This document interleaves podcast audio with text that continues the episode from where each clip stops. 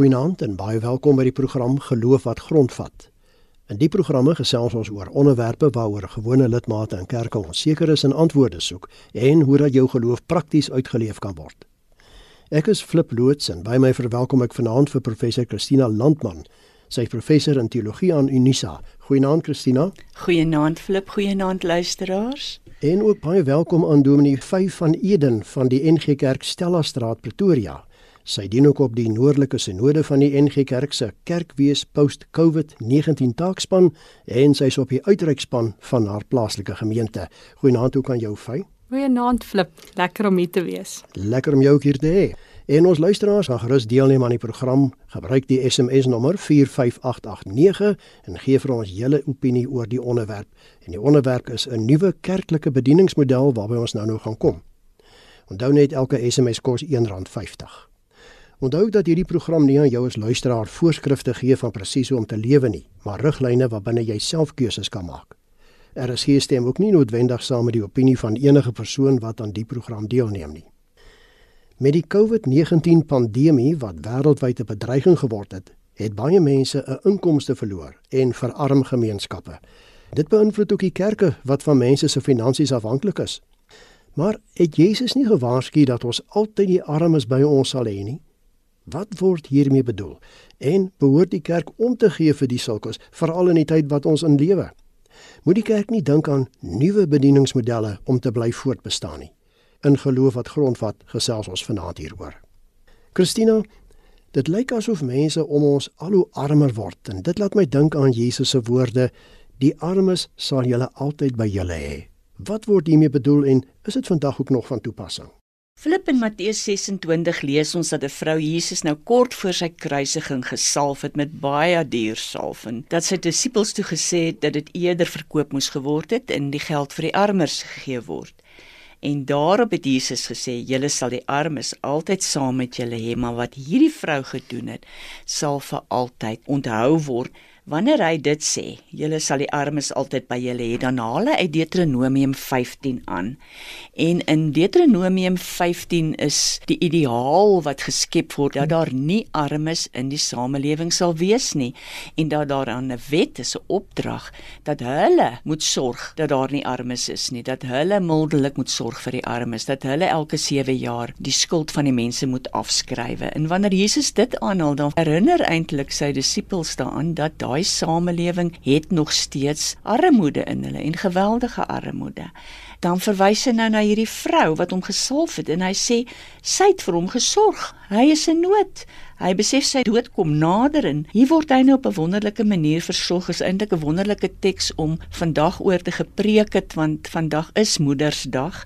Maar die boodskap wat Jesus hier wil uitdra is vandag nog van toepassing. Daar behoort nie armoede in die samelewing te wees nie. Maar dis daar omdat ons nie behoorlik vir mekaar sorg nie. Maar fy, dit kan so vir baie mense oorkom asof Jesus effe traak my nie agtig is. Ag die armes sal julle altyd by julle hê. Beteken sy woorde dan dat ons geen verantwoordelikheid teenoor armes het nie? Hulle is nou maar net eenvoudig deel van ons bestaan of hoe? Loop ek dink Jesus het dit nie teen die verkwisting of die afskeep van die armes wanneer hy hierdie woorde sê nie. Eintlik is sy probleem dat die disippels die vrou wil verhinder om goed te wees vir hom. En daarom dink ek dat as ons dink oor ons verantwoordelikheid teenoor arme mense, dan moet ons nie net vashak by hierdie teks nie. Dan moet ons soos wat Christina gesê het, dink aan die ander beginsels in die Bybel. Ek dink altyd aan daai mooi teks in Levitikus 19 waar die volk beveel word om nie die wenakkers af te oes nie en nie die are wat bly lê op te tel nie en nie, ook nie die wingerd twee keer te oes nie. En mense sien dit so mooi in die rit verhaal dat dit is die manier waarop Rut en haar skoonma eintlik oorleef. En regdeur Jesus se bediening sien ons dat hy belangstel dat hy omgee vir mense wat swaar kry en vir mense wat op die rande van die samelewing is. Ook in die vroeë kerk moes die kerk omsien na die weduwees en die weeskinders. En daarom glo ek dat ons as gelowiges hierdie verantwoordelikheid het, hierdie roeping het om mense wat swaar kry te help. Christina, wie sluit hierdie swaar kry mense soos vy hulle noem of die armes dan almal in, ook die bedelaar op die straathoek?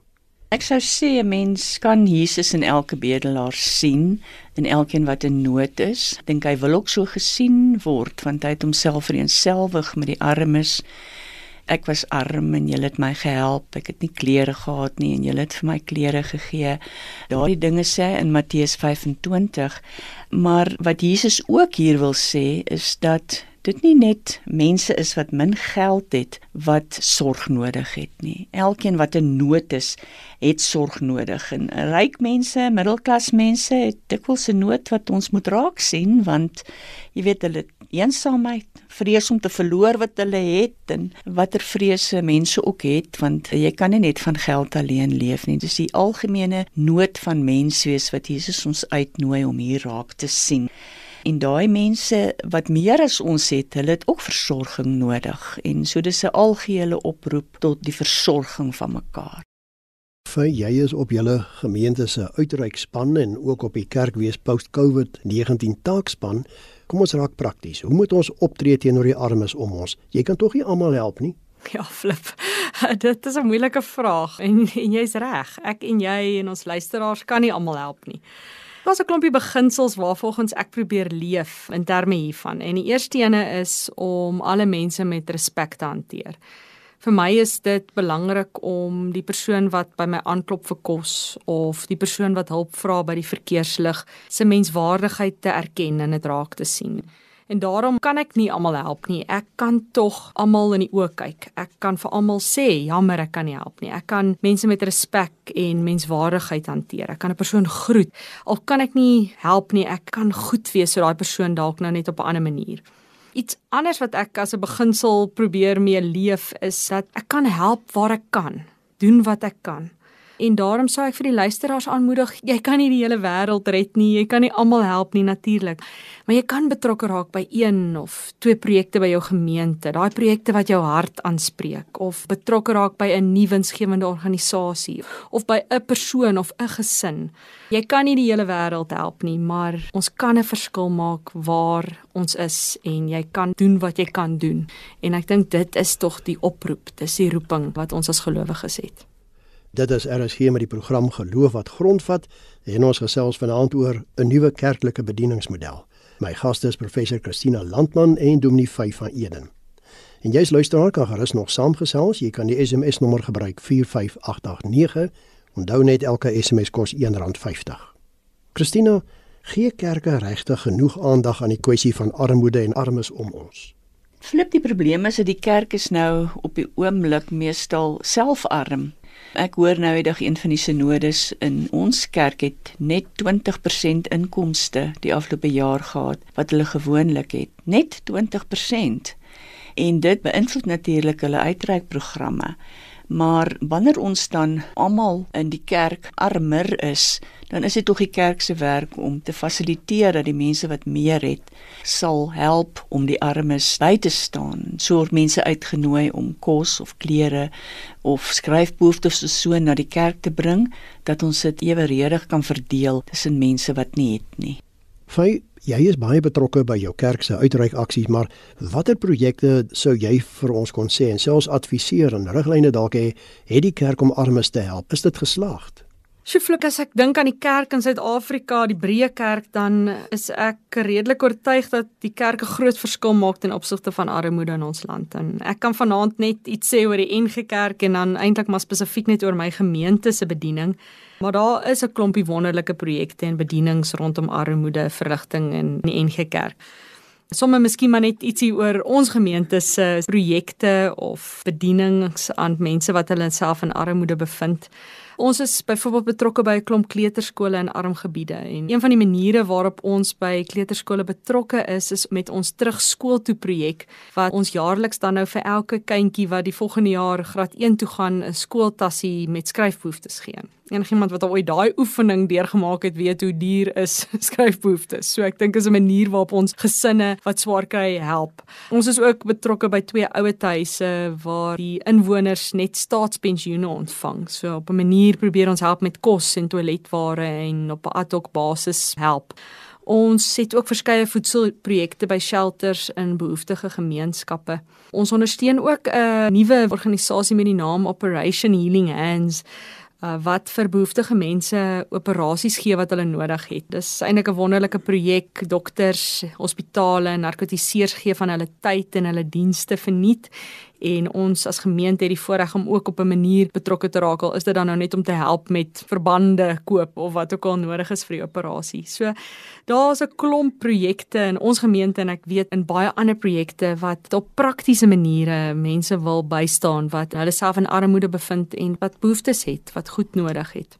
Christina die gesegde sê onbekend maak onbemind. Nou bietjie vanuit 'n ander hoek gekyk op watter manier of maniere kom die kerk te hore van die nood van armes? En doen hulle self genoeg om uit te vind het ons nie al bietjie doof geraak en so tevrede geraak met dit wat ons self het nie. Ja ek dink dit verskil van kerk tot kerk. Die idee is seker maar in die kerk dat die diakens wanneer hulle geld van insamel en huisbesoek doen dat hulle dan nou daai nood sal identifiseer. Maar gedurende Covid kon ons in elk geval nie dit doen nie. En nou die dag het een tannie vir my gesê sy is verskriklik bekommerd want die diaken kom nou nie by haar om nie, sy het nie haar tiende gegee nie. Gaan sy nou help toe. Dit wys daarom vir jou op hierdie fantastiese mentaliteit en betrokkenheid by die kerk. Maar dis wat die diakens wil doen, maar dit het nou nie gedurende Covid gehelp nie. Die dominee kon ook nie huisbesoek doen nie. Dit was regtig heeltemal onmoontlik. Daar's party gemeentes waar die gemeentelede 'n foon beman 24/7, mense kan daar ins skakel.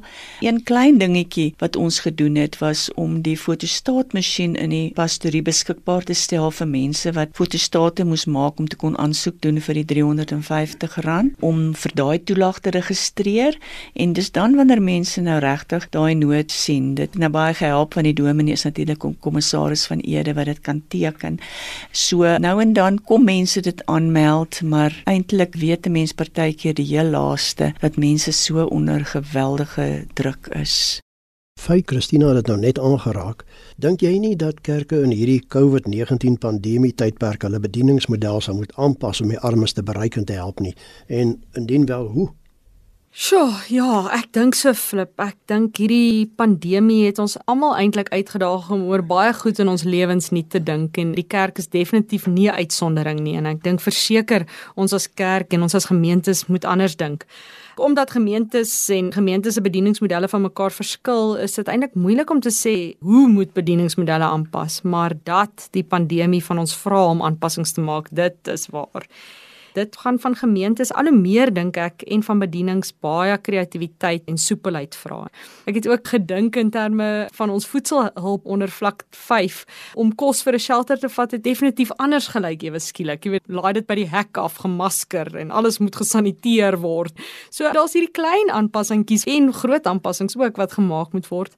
Maar wat ek wel in die laaste paar jaar sien is 'n beweging van reaktiewe uitreikbedienings na meer voorkomende bedienings dink ek. En ek dink die pandemie het dit ook waarskynlik vir ons al hoe meer duideliker gemaak dat dit ook gaan al hoe belangriker word in terme veral van die verligting van armoede. Byvoorbeeld gemeentes wat investeer in terme van werkskepingsprojekte in plaas daarvan om net kos en klere te gee. Ten opsigte van voorkomende bedieningsmoontlikhede by ons gemeente het ons oortuig geraak dat die betrokkenheid by voorskoolse ontwikkeling en onderwys 'n baie groot verskil in die opheffing van armoede in ons land kan maak en ons dink dat as ons vir kinders kan help om te ontwikkel motories en hulle persepsie, daai vaardighede en ons kan hulle meer skoolgereed kry, dan is die hoop dat kinders uiteindelik die arbeidsmark sal kan betree en ook vir hulle self en hulle gesinne sal kan sorg. So ek dink voorskoolse ontwikkeling is belangrik en daarom is ons by ons gemeente baie opgewonde om saam met 'n liefdadigheidsorganisasie van die FSA met die naam ASAP, Adopt a South African Preschool, opvoedkundige speelgoed en apparaat vir klein kleuterskole beskikbaar te stel in arm buurte.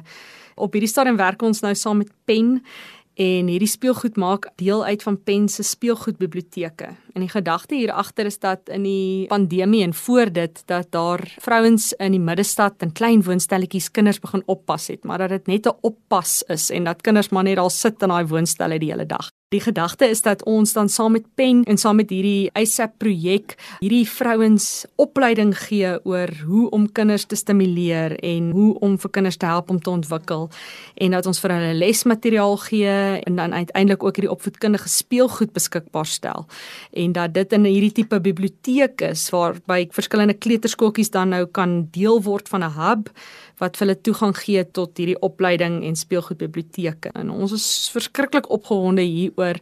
Dit is een van die maniere waarop ons hopelik as kerk kan aanpassings maak in hoe ons oor armoede dink en hoe ons ook armoede aanspreek. Vyf verduidelik net vir ons luisteraars, wat bedoel jy met pen? Pen is die middestad bediening in Pretoria.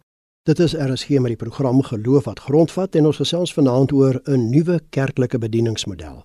My gaste is professor Christina Landman en Dominee Vyf van Eden. Christina het so 'n bietjie daaraan geraak toe sy gepraat het van kos en klere wat hulle gee vir mense en dan miskien skoolgoedere ook. Maar baie van ons luisteraars mag dalk dink dat hulp aan armes net geld insluit en nou maar sê maar ag jammer jong, ek het niks geld om vir jou te gee nie. Of watter ander maniere kan daar ook voorsien word?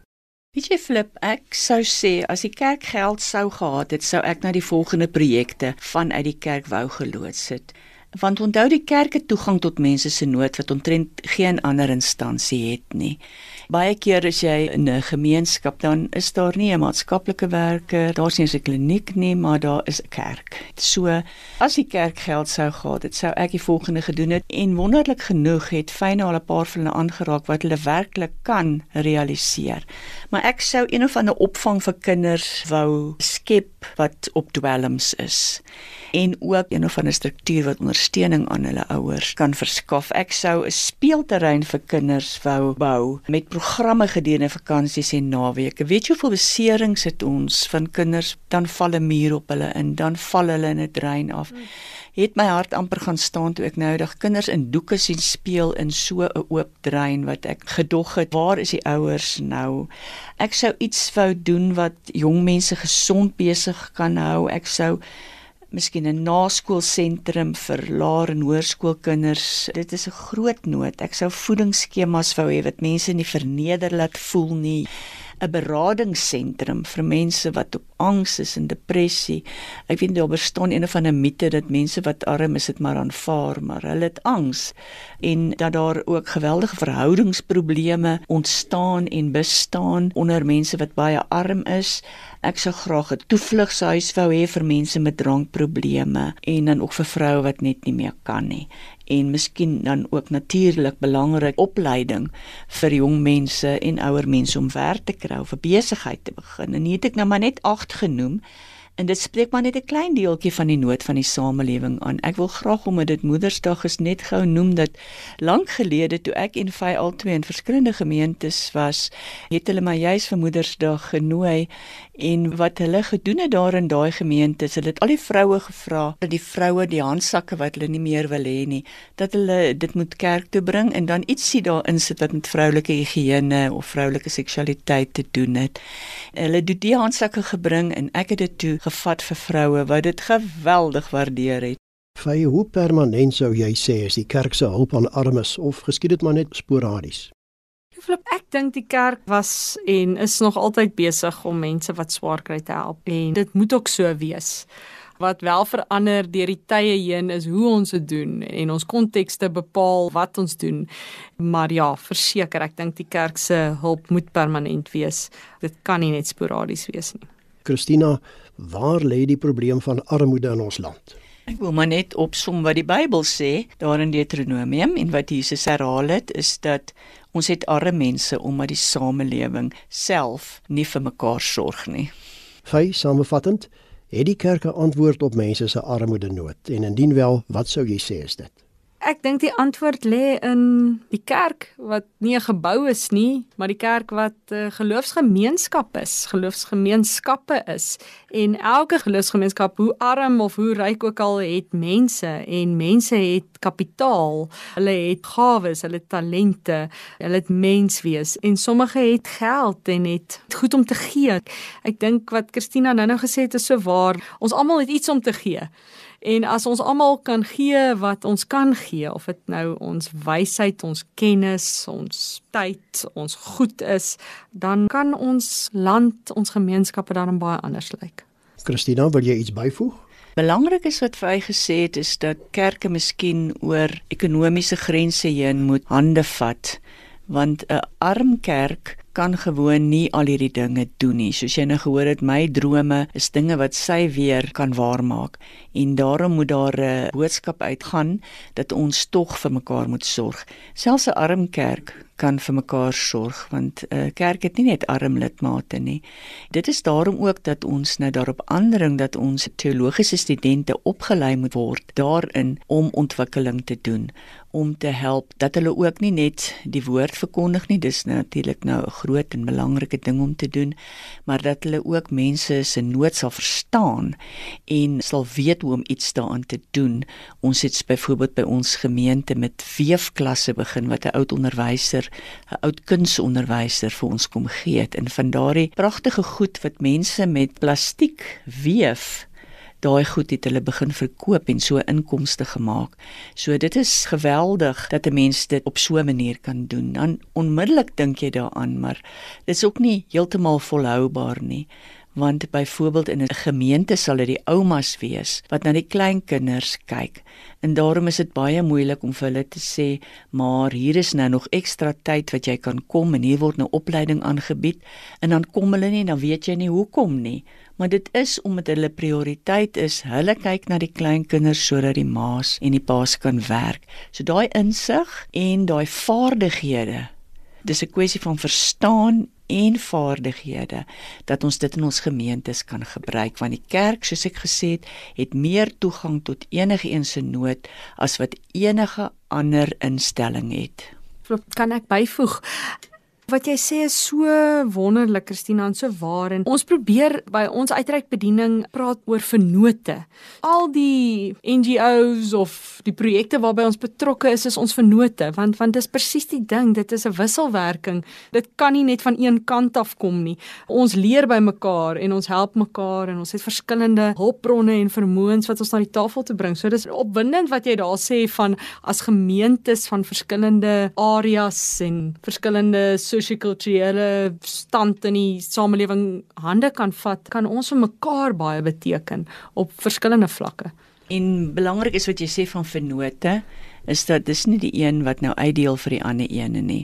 Ons is vennote in al hierdie dinge. Nou die dag het ons mense van oorsee hier gehad en toe het hulle nou besluit daai goed gaan hulle nou nog befonds, daai goed gaan hulle nou nie meer befonds nie.